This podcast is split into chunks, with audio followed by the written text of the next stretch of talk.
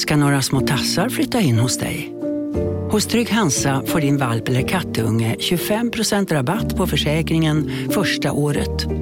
Läs mer och teckna djurförsäkringen på trygghansa.se. Trygg Hansa, trygghet för livet.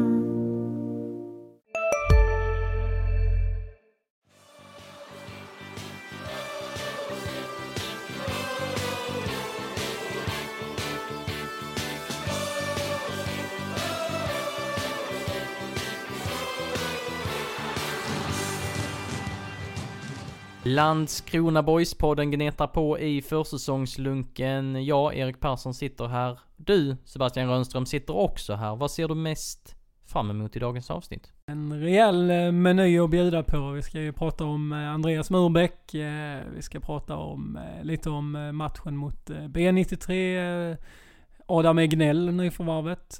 Lite om målvakterna och, och på slutet ska vi också beröra den senaste veckans eh, heta eh, diskussion om, eh, om bortatröjan, Skånes Uruguayare. Eh, där det har, ehm, eh, har varit några turer här eh, kring den. Så eh, ja, det känns väl som att eh, rätt, my rätt mycket godbitar att gå igenom faktiskt.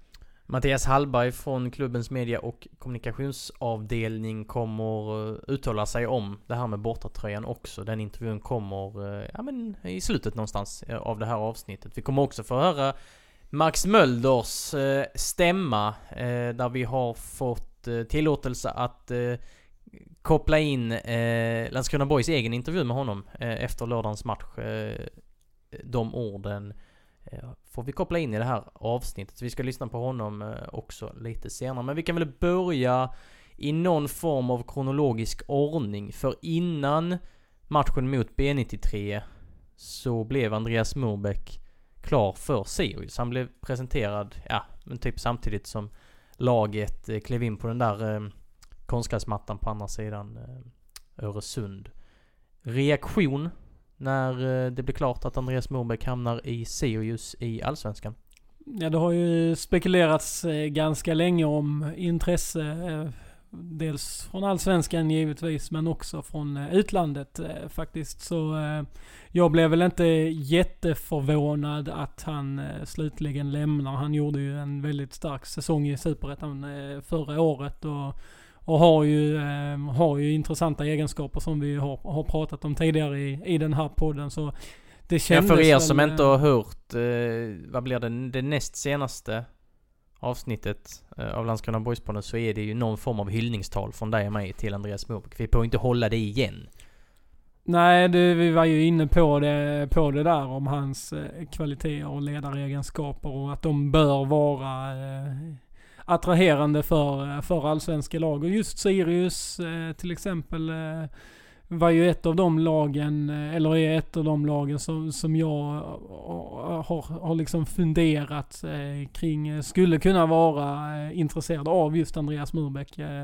De har ju Eh, var, var i behoven av en ny mittback, eh, även om de även varvat in Kristoffer eh, Dagrasa, gamla Göteborgs eh, oh, från backen Fenlo. Som, eh, från eh, Fenlo i, i Nederländerna. Så, eh, så var eh, det ändå ett av de allsvenska lagen som var i behov av att förstärka sin defensiv. Och, och jag tror nog att Andreas Murberg kan, kan falla väl ut i, i det laget. Och det börjar ju bli en liten boyskoloni där nu med Patrick Wadike som ju lämnar eh, eh, inför förra säsongen då eh, och eh, Filip Olsson som också gått i, i det här transferfönstret till Uppsala-klubben. Så eh, många eh, spännande saker att hålla reda på i, eh, i Sirius under säsongen. Filip Olsson blev ju såld till Sirius. Andreas Morbeck hade också ett år kvar på sitt avtal så han blev också såld. Det var en övergångssumma inblandad i den här affären.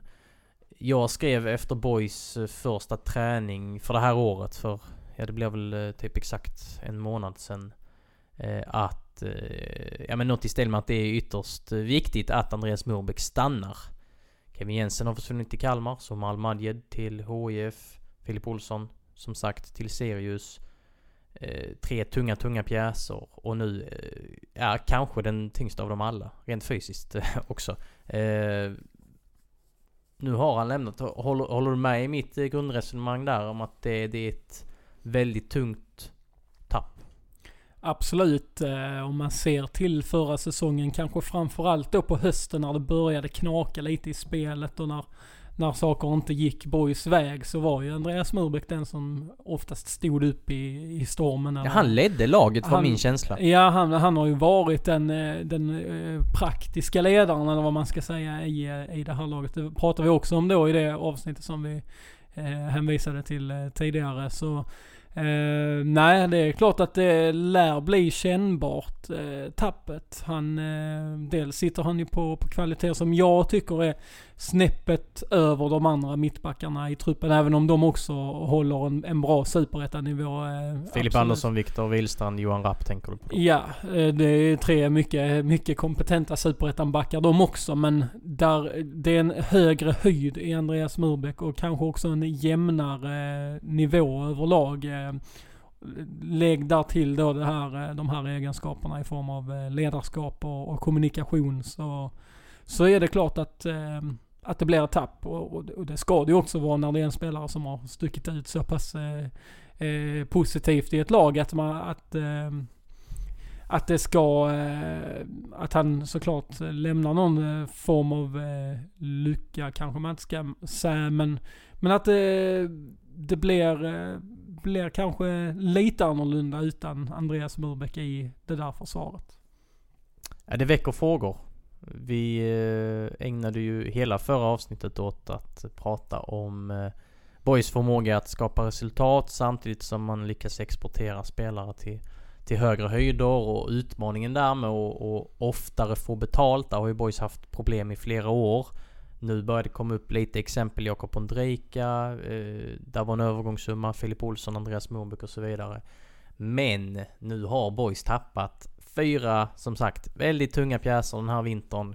Eh, det är väl, ja men ska man ta ut eh, de fem viktigaste spelarna från förra året så, så går väl alla de fyra in på den listan. Eh, utan vidare diskussion. Så att, eh, ja.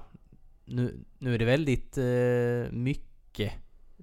Är det, är, det, är, det, är det oroväckande att lagets kanske fyra bästa spelare lämnar på en och samma gång. Ja, kanske just eh, med tanke på att de lämnar på samma gång och att man då tvingas ersätta allihop eh, samtidigt i samma fönster. Eh, det vill ju till, om man ska vara med och slåss i, i toppen som, som man vill, så vill det ju till att att nyförvarven och eh, även givetvis eh, de som är kvar fortsätter att eh, eh, hålla en hög nivå och, eh, och att man träffar rätt på de här spelarna man har plockat in och att de kommer in i laget på ett smidigt sätt och kan, kan fylla rollerna. Det behöver ju givetvis inte se exakt likadant ut. Sumar Al till exempel blir ju svår att ersätta utifrån från hans kvaliteter på det sättet. Men att man får ut det man vill av de man har kvar i truppen och de man har plockat in. Det kommer ju bli extra viktigt nu när när eh, ryggraden i laget, eh, eller delar av ryggraden i alla fall, har lämnat. Det blev eh, förlust mot danska tredjeligalaget eh, nu eh, den gångna helgen. Och en eh, eh dålig eh, insats. Vi har inte sett matchen. Det hör inte till vanligheterna. Vi ser varenda, varenda matchsekund under varje säsong när boys är i farten. Men eh, vi var på jakt, matchen sändes ju inte.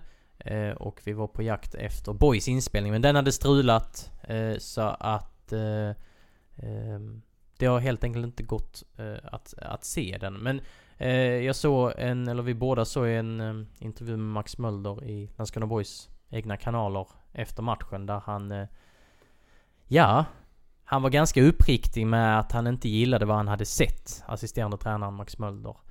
Och jag fastnade framförallt eh, vid en detalj. Det var väldigt mycket som var intressant, men att han sa att det var knäpp tyst. Och då tänkte jag direkt på Andreas Mobeck.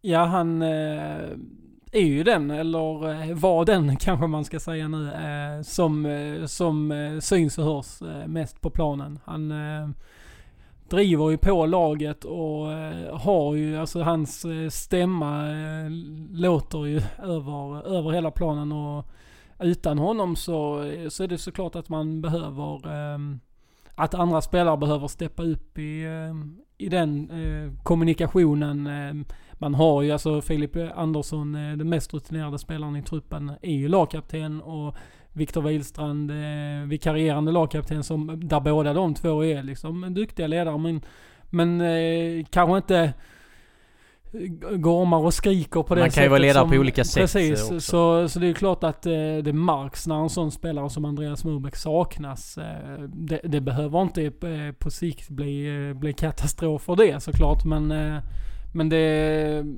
det blir ju en skillnad då kanske om man eh, ser eh, i de första matcherna nu innan, eh, innan eh, man eh, kommer eh, till rätta eller vad man ska säga med, med vem som ska fylla hans roll så att säga.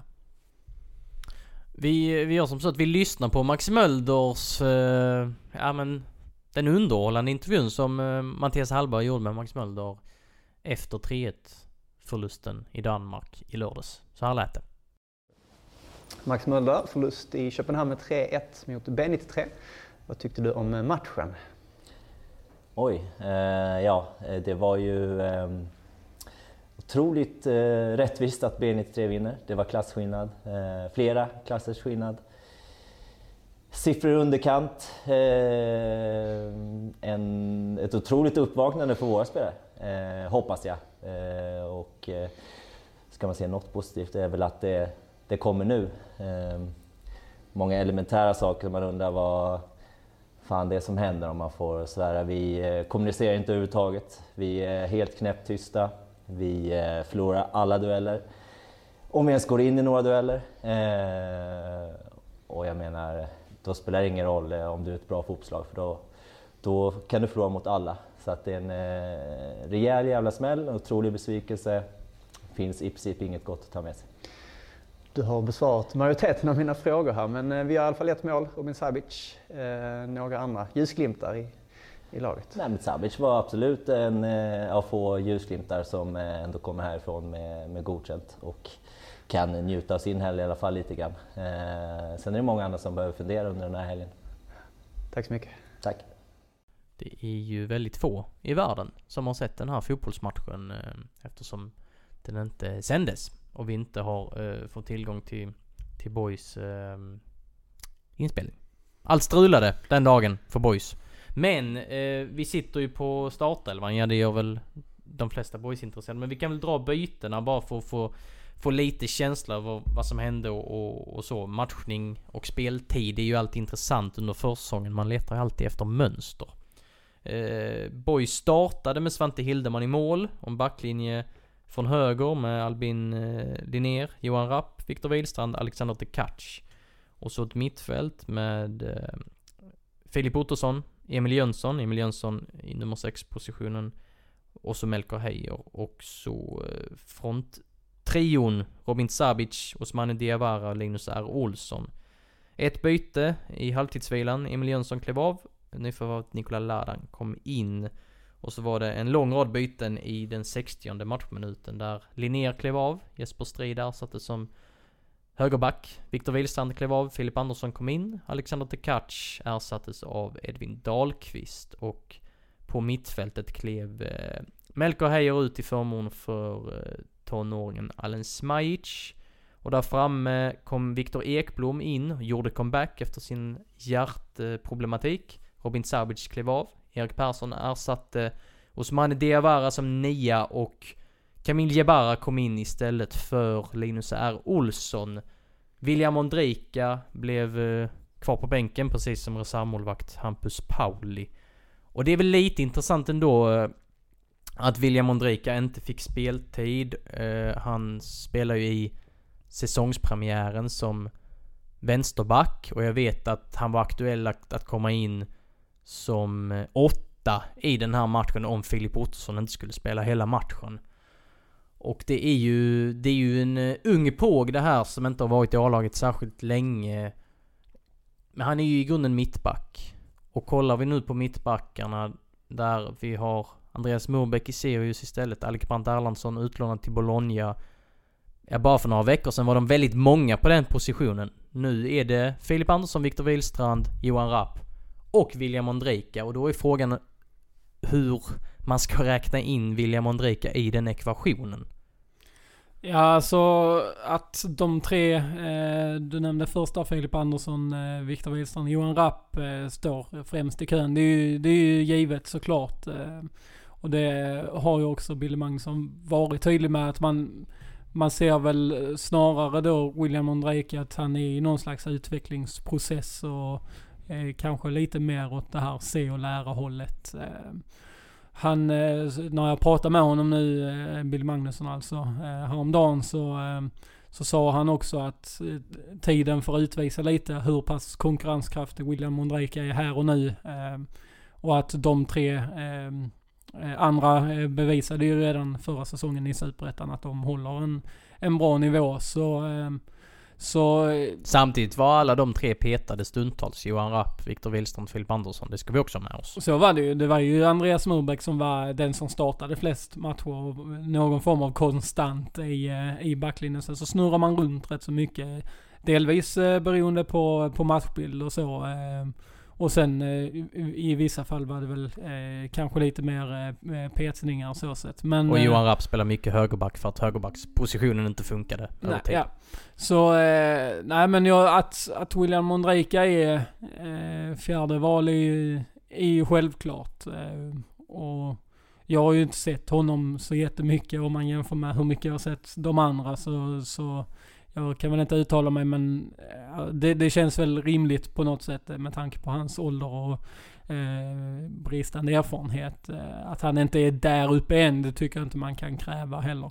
Så eh, men då är ju frågan eh, vad som händer kring mittbackspositionen om man då har tre stycken eh, bra alternativ och sen en eh, mer på tillväxt eh, i den konkurrensen. Eh, behövs det in någon ytterligare pjäs? Eh, kanske ändå. Eh, den frågan ställde jag ju givetvis till Bill Magnusson och han eh, sa att de har inte riktigt eh, landat i det beslutet än utan de, de får helt enkelt eh, eh avvakta lite och se innan eh, man fattar eh, ett beslut i den frågan. Eh, jag, eh, jag tror inte att, att Boys står och faller liksom att man spelar med de här tre mittbackarna. Eh, alltså då, de håller ju bra superettan-klass men men håller de klassen för att uh, bli ett eller två eller möjligtvis trea och verkligen uh, kämpa om allsvenska platser? Det är ju en större och svårare fråga för, för dels har du då uh, det som du var inne på att de pendlar lite i prestationer och alla tre stundtals var åsidosatta förra säsongen. Dessutom så, så vet vi att det är en lång säsong. Skador är svårt och, och man är aldrig immun mot skador. Filip Andersson inte minst har ju en, en skadebakgrund. Eh, även om man nu eh, är 100% eh, redo så, så finns där ju ändå en sån historik. Man brukar ju behöva åtminstone kanske fyra mittbackar att ja. kunna spela med och då, då, är, då blir ju William Ondrika väldigt aktuell helt plöts mm. plötsligt. För det är avstängningar också. Eh, är man mittback så blir det nog något kort här och där under säsongen. Ja det blir ju eh, skador och, och avstängningar som man måste, det måste man ju på alla positioner ta höjd för och då eh, är väl min känsla här att Boys nog är i behov av en, eh, en fjärde mittback. Sen om det ska vara en mittback i Andreas Murbeklass, alltså att det är en mittback som går in och tar en given startplats. Eh, ja, det är väl såklart eh, önskvärt ur Boys ögon sett att man tar in så bra spelare som möjligt. Men, men de andra tre har ju också visat en bra nivå i Superettan. Så men jag, min, min åsikt är nog ändå att det behövs in ett nyförvarv i, i mittbacksledet. Eh, det är också min känsla. Eh, för, som vi är inne på över tid så, så dels numerären men jag tror också att man, eh, om man verkligen ska slåss om allsvenska platser, Nu vet vi inte riktigt var vi har det här laget än, men det är ju rimligt för boys att sikta högre än, än där man kom förra året, på en sjätte plats. Då kanske man behöver en spetsigare mittback än vad man har nu. Kanske. Um, så att, uh, ja. De, de har ju nog uh, några form av, någon form av uh, tentakler ute och det är ju ingen chock i Boysland att Andreas Mobeck lämnar nu. Så att, och vi vet ju att Billy Magnusson, Max Mölder och övriga där som är med i i eh, den sportsliga ledningen att de är väldigt proaktiva och scoutar spelare hela tiden och, och så vidare. Så att det är klart att det har funnits med i kalkylen att Andreas Moberg kanske lämnar, även om det blir lite, lite sent. Övriga som har lämnat här nu, det var ju väldigt tidigt. Eh, så att... Eh, ja men lite speciellt är det och nu går ju Boys in i en tävlingssäsong om, om bara 10 dagar från att vi spelar in det här. Eh, sen i Svenska Kuppen vad, vad det är. Man behöver inte ha en helt färdig, färdig trupp då, men eh, jag, eh, jag trillar ju inte av stolen som jag sitter på om Boys kommer att presentera en mittback eh, innan den 31 mars. Och det kanske till och med är eh, nödvändigt. Ja, jag håller med. Eh, också eh, en intressant faktor i sammanhanget är ju det här med just eh, tidsaspekten. Att man tappar honom nu i, i mitten på, på februari här. Eh, fönstret är öppet länge till men... Men det har redan gått en månad av det, har, det har ju redan gjort det och eh, lagen har ju kommit långt. Och det har Boys också såklart. Men eh, i att sätta sina trupper så alternativen blir ju färre och färre ju längre, ju längre tiden går. Vi kan väl komma in lite på värvningstänket överlag också. Adam Egnell köptes ju faktiskt loss. Det känns som det var en evighet sedan Boys köpte en spelare. Eh, enligt våra uppgifter så eh, låg summa, men ändå. Det, de, de löste honom från, eh, från kontraktet eh, hos Geis. Eh. Dagens vinnarprognos från Postkodlotteriet. Postnummer 65209, klart till halvklart och chans till vinst. 41101, avtagande dimma med vinstmöjlighet i sikte. Övriga 10 500 postnummer, soligt och möjlighet att vinna. Oavsett när sommaren kommer till dig så kan du och dina grannar få dela på 48 miljoner i sommaryran. Ta chansen nu i maj på Postkodlotteriet.se. Åldersgräns 18 år. Kontakta stödlinjen om du eller någon anhörig spelar för mycket. Hej, Synoptik här. Visste du att solens UV-strålar kan vara skadliga och åldra dina ögon i förtid? Kom in till oss så hjälper vi dig att hitta rätt solglasögon som skyddar dina ögon. Välkommen till Synoptik. Kittlande värvning. Det är en mittfältare för er som, ja det vet väl alla som lyssnar på den här podden. Ni har ju koll! Ja det är, jag håller med. Det är en kittlande varvning för uh, man behöver uh, tappa då som sagt Zuma Almadjad och Filip Olsson och uh, behöver ju en, eh, en startspelare till det, de mer kanske lite offensiva positionerna på mittfältet som vi har varit inne på också tidigare. Och Adam Egnell eh, gjorde ju en eh, stark säsong förra säsongen i ett svagt Gais. Sex mål, fem assister tror jag om jag inte är helt ute och cyklar. Ehm, det är ju bra, bra papper för en offensiv mittfältare så, sen, som också kan användas ja, det, i en det vill jag säga, För det är ju väldigt viktigt i den här ekvationen. Vi vet inte var vi har Nikola Ladan än. Emil Jönsson, det är väl inte så att vi spår att han kommer starta 30 matcher eh, som sittande mittfältare i boys. Filip Ottosson kan spela där också men då om han ska spela där, ja då blir det en lucka som åtta. Så att det behövdes ju den här profilen. Och det behövdes, eller behövdes, men det är ju också, han stämmer ju in i det liksom, ja men i andra profiler också, att han är ung, utvecklingsbar, eh, försäljningspotential, eh, treårskontrakt och så vidare.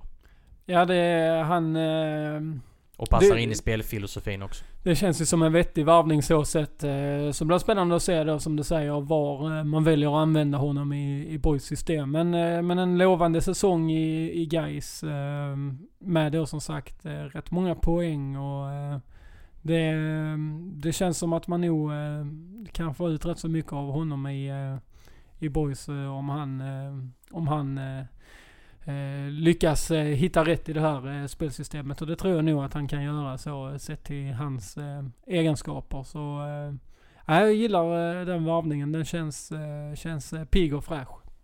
Mittfältet är stängt eh, om man kollar ur, mm, genom sina varvningsglasögon. Om det inte sker någon skada och så. Det, det kan vi väl slå fast. Det har Billy Magnusson också slagit fast. Att så, så är planen just nu. Eh, men ska vi också då slå fast att Boys bör eh, titta på eh, en mittbacksvarvning? Ja det tycker jag. Det, det ser jag faktiskt ett eh, behov av eh, just eh, med tanke på numerären framförallt. Eh, inte tvungetvis på grund av eh, bristande kvalitet eller något sånt. Utan just för att man behöver ha, ha täckning och, och också eh, givetvis om man nu, liksom som vi pratar om, att man vill höja ribban, eh, då, då behöver man ju också eh, se till att ha en, eh, en jämförbart lika stark trupp, om inte ännu starkare, den här säsongen. Så ett tapp av sin bästa mittback, då är det klart att man behöver, behöver täcka upp det på något sätt. Ska vi slå fast att Boys också bör titta på en forwardsvärvning? Det är ganska, eller det har ju Billy Magnusson också eh, sagt vid flera tillfällen att, att eh, man håller ögonen öppna där och inte Men det har känts lite mer vagt. Det, det, där det har varit väldigt det mycket tydligare med en, med en mittfältare att de ska in en mittfältare. Men lite mer vagt som jag har tolkat det. Han har också lagt till att ja men numerärmässigt så är vi ungefär där vi ska vara. Bara det att Oskar Petersson är, är skadad nu. Mm.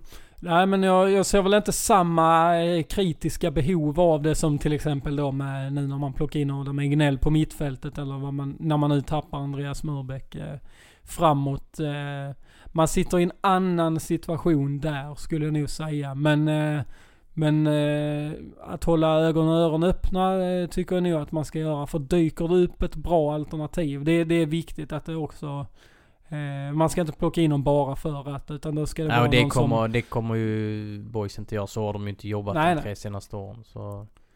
Men, eh, men just att eh, ska man ta in något där så ska det ju vara något som verkligen eh, förstärker truppen och, och liksom bidrar med, med viktiga egenskaper. Det, det tycker jag nog. Kanske att man kikar på allsvenska lån också. Ofta vill man ju ha långsiktiga, hållbara försäljningspotentiella rekryteringar men går det lite tid, man verkar ha lite is i magen kring den här positionen så kanske man kikar på, eh, på lån också från, från Allsvenskan. Eller vad, hur ser du på, på det? Vad, vilket ben ska man stå på där? Eller ska man, ska man ha eh, båda alternativen öppna? Både lån och eh, ja, men, köp slash eh, bossman eh, rekrytering?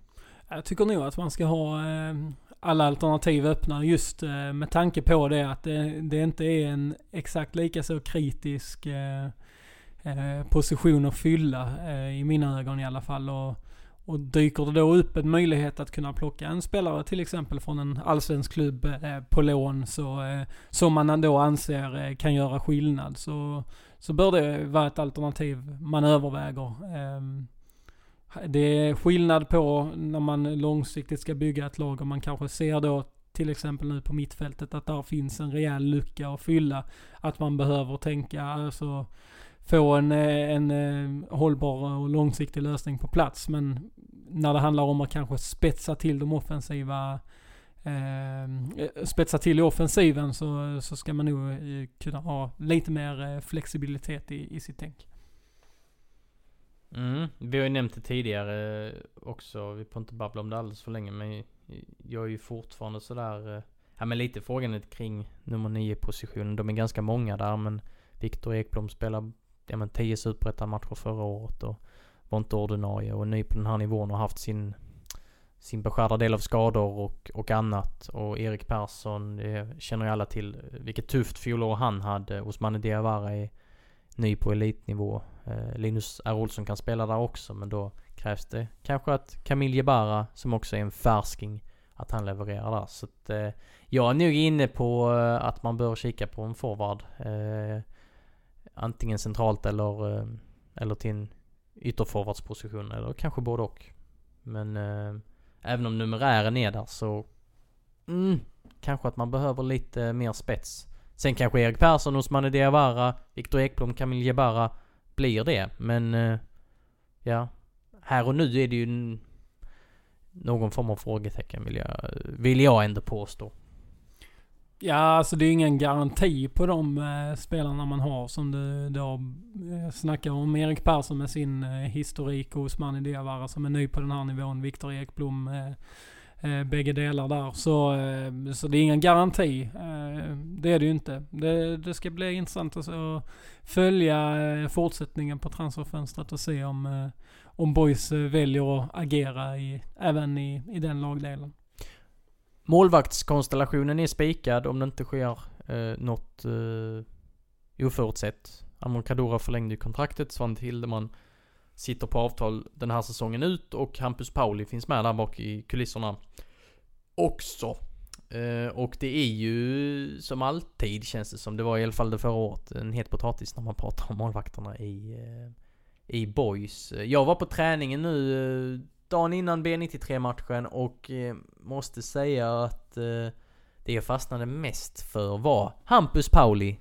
Denna unge tredje målvakt han var... Eh, han gjorde faktiskt några helt otroliga um, räddningar. Och det pratas ju väldigt gott om honom i, eh, i boyskretsar, men han får ju likväl inte spela. Ehm, och eh, det känns väl som att det, det doftar utlåning igen, men kanske högre nivån än till division 3, där han var i höstas i Besa. Men eh, jag pratade runt lite om honom och, och för jag, jag hör ju de här eh, lovorden. Men, men då tänker man ju att ska han inte få lite mer speltid när det åtminstone är träningsmatcher och så vidare. Men, men eh, det är lite så här med honom om jag har förstått det rätt när jag pratar runt med målvaktskunniga att han tar inte alltid... Eh, han tar inte alltid det han ska ta. Och sen plockar han ibland det han inte ska ta så att säga. Alltså, och lite målvaktstekniskt så, så räddar han på fel inom situationstecken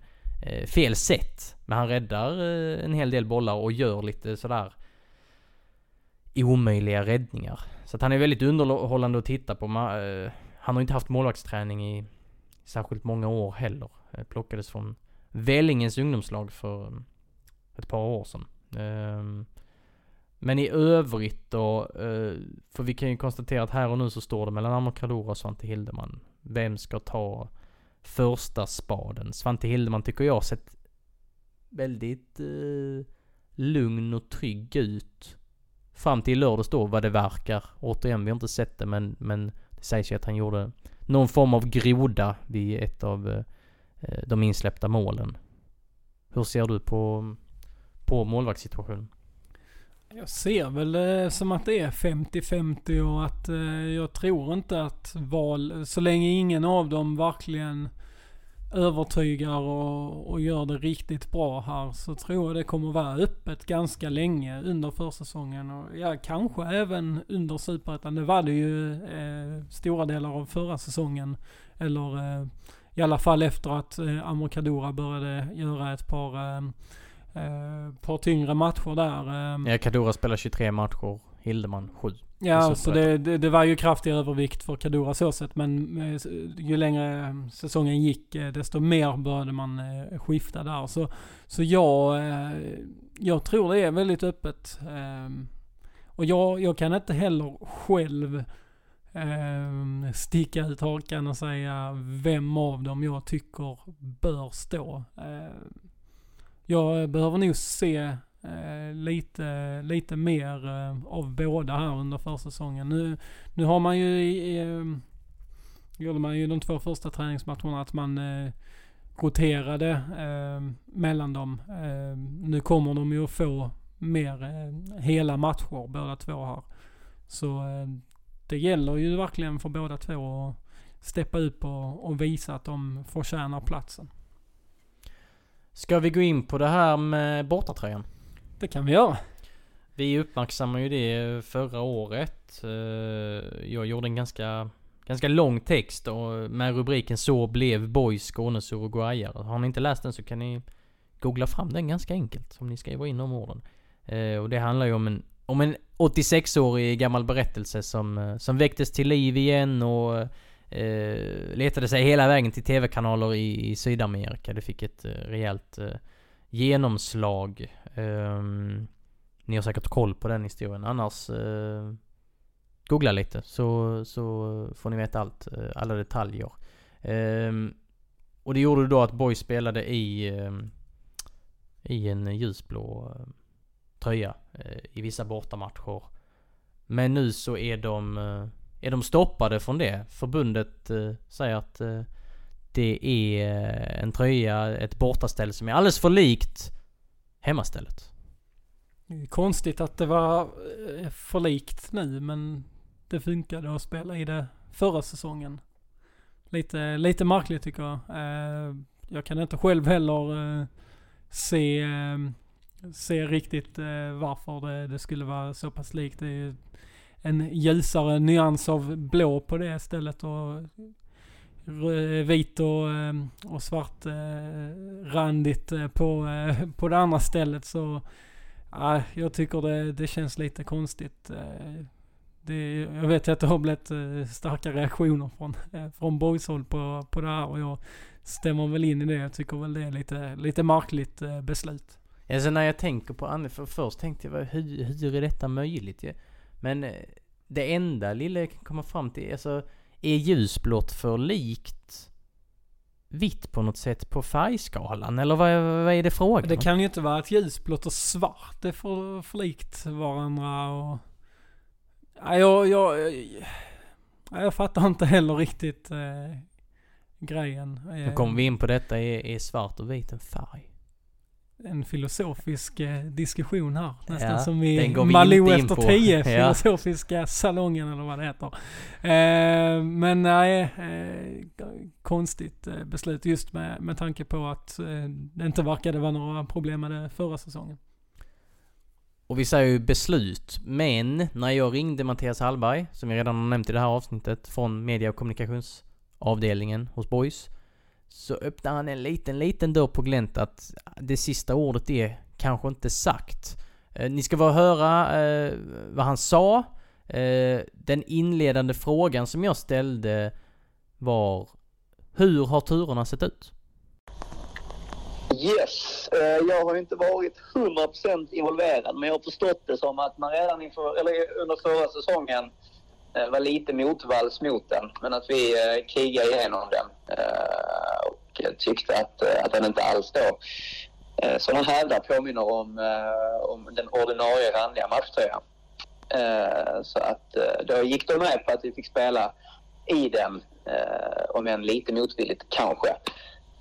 Och nu då inför den här säsongen så har man då stipulerat ett nytt regelverk eh, som då tydliggör att, att man inte får använda den färgen, eh, den, den blåa färgen, om man då har eh, svart och vitt eh, som eh, ordinarie matchtröjfärg. Vilket då omöjliggör för oss att, att fortsätta med Skånes Uruguay-tröjan initialt. Så det har varit deras främsta argument, att de har ändrat regelverket? Eller har de ändrat regelverket till en följd av att, eh, att ni spelade i liksom blåa tröjor förra året? Eller? Eh, ja, det, det låter så vara osagt egentligen. Utan, eh, de har eh, gjort ett nytt eh, regelverk eh, med nya punkter som då tydligt stipulerar att, eh, att det inte går att använda den tröjan då, givet våra hemmafärger. Eh, och det är klart, jag, nu är inte jag sådär superkonservatoriskt lagd men eh, det är väl möjligt att, eh, att det är av den anledningen som man då eh, gjort de här förändringarna. Vad, vad känner du kring det här? För du är ju idékläckaren. Det har vi ju på HD rapporterat om tidigare kring den här eh, bortatröjan. Vad, ja, vad känner du kring det här? Jag tycker väl att, att det är ju en, en icke-diskussion i, i grunden givet att tröjorna inte alls är lika varandra. Eh, jag tycker det är, är synd eh, att, att vi inte kunnat fortsätta på den här inslagna Skånes Uruguayavägen eh, givet att den tagits emot så positivt i, i supporterkretsar. Det är många som, som både uppskattar historiken och, och uppskattar tröjan. Liksom. Så att den hade vi ju såklart gärna spunnit vidare på. och som sagt, som jag var inne på lite tidigare, ett roligt sätt för oss att, att uppmärksamma en, en kul berättelse från ja, nästan tidernas begynnelse i alla fall, boys-tidernas begynnelse. Så att, eh, ja, det är lite synd. Men eh, det är väl bara att, att gå vidare. Vi får hitta nya, nya stories att berätta. Ni, ni, ni skrev ju om det här mm, i era sociala mediekanaler i fredags. Hur, har reaktionerna varit? Sen det här blev Ja, men de har varit, eh, om inte överväldigande, så i alla fall stora. Många som, som uttryckte sin besvikelse. Jag har förstått att det är många som dessutom hört av sig till SEF och förbundshåll eh, och eh, någonstans vädrat sin, sin synpunkt på ett konstruktivt sätt. Eh, så att, eh, det är också ett tecken på att många eh, tycker att detta var en, en kul idé och en fin tröja. Så att eh, reaktionerna har ju varit eh, eh, ja, men, ja, stora helt enkelt. Finns det någon möjlighet att, att eh, det trots allt eh, vänder och att ni får spela i dem eller är det case eh, closed? Som du... Ja, men jag har förstått det som att Michel, då, klubbchefen, eh, har fått ett samtal om, eller från eh, förbundshåll. Eh, jag är inte riktigt informerad. Och jag vet inte riktigt hur den diskussionen har gått. Om man har öppnat upp för oss att, att använda det igen eller om, om det är stängt. Så att eh, det finns väl en fortsättning i alla fall.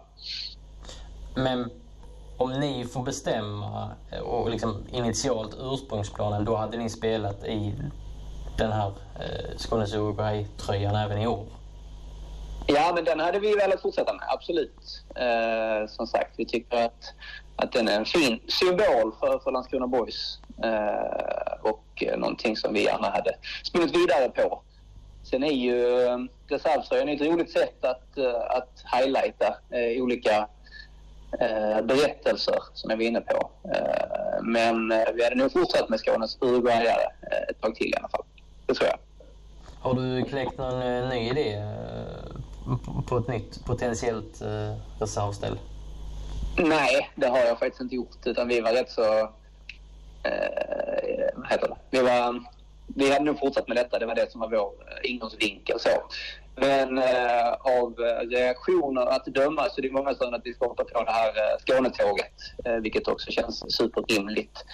Eh, så att det är väl inte omöjligt att eh, den kommande reservtröjan på något sätt flörtar med, med det faktum att, eller med det faktum att, att vi har en stark skånsk anknytning. Så. Ja. Spännande. Ja men verkligen. Det, det kommer att bli bra oavsett, jag är rätt så övertygad om.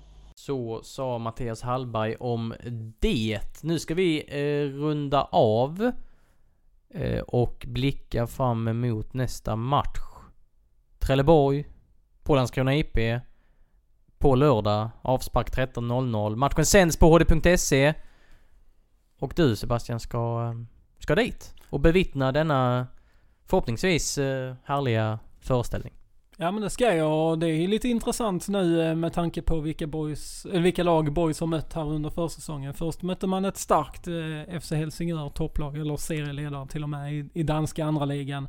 För att sen möta IFK Malmö från ettan som ju var en, en mindre bra värdemätare.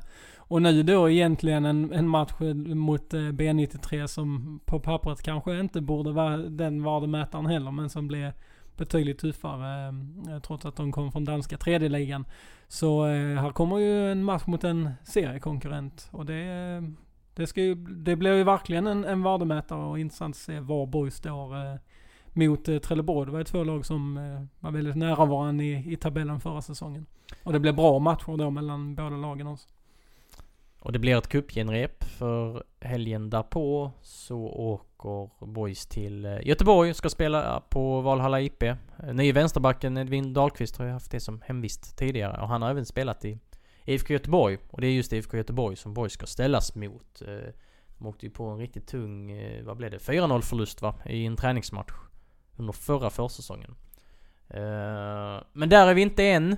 Utan eh, nu eh, så stänger vi ner butiken för idag. Eh, läs på hd.se och i papperstidningen inför den här matchen på lördag och följ Sebastians rapportering från Landskrona IP på lördag och så hörs vi, ses vi och allt vad det heter. Sköt om er.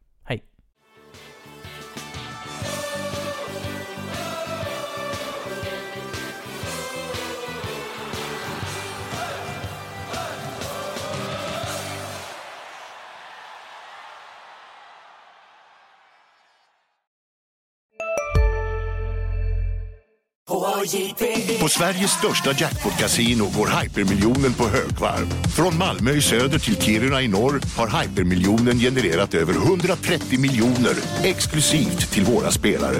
Välkommen in till Sveriges största jackpot-kasino, hyper.com. 18 plus, regler och villkor gäller. Just nu till alla hemmafixare som gillar julast låga priser. En slangvinda från Gardena på 20 meter för vattentäta 499 kronor. Inget kan stoppa dig nu.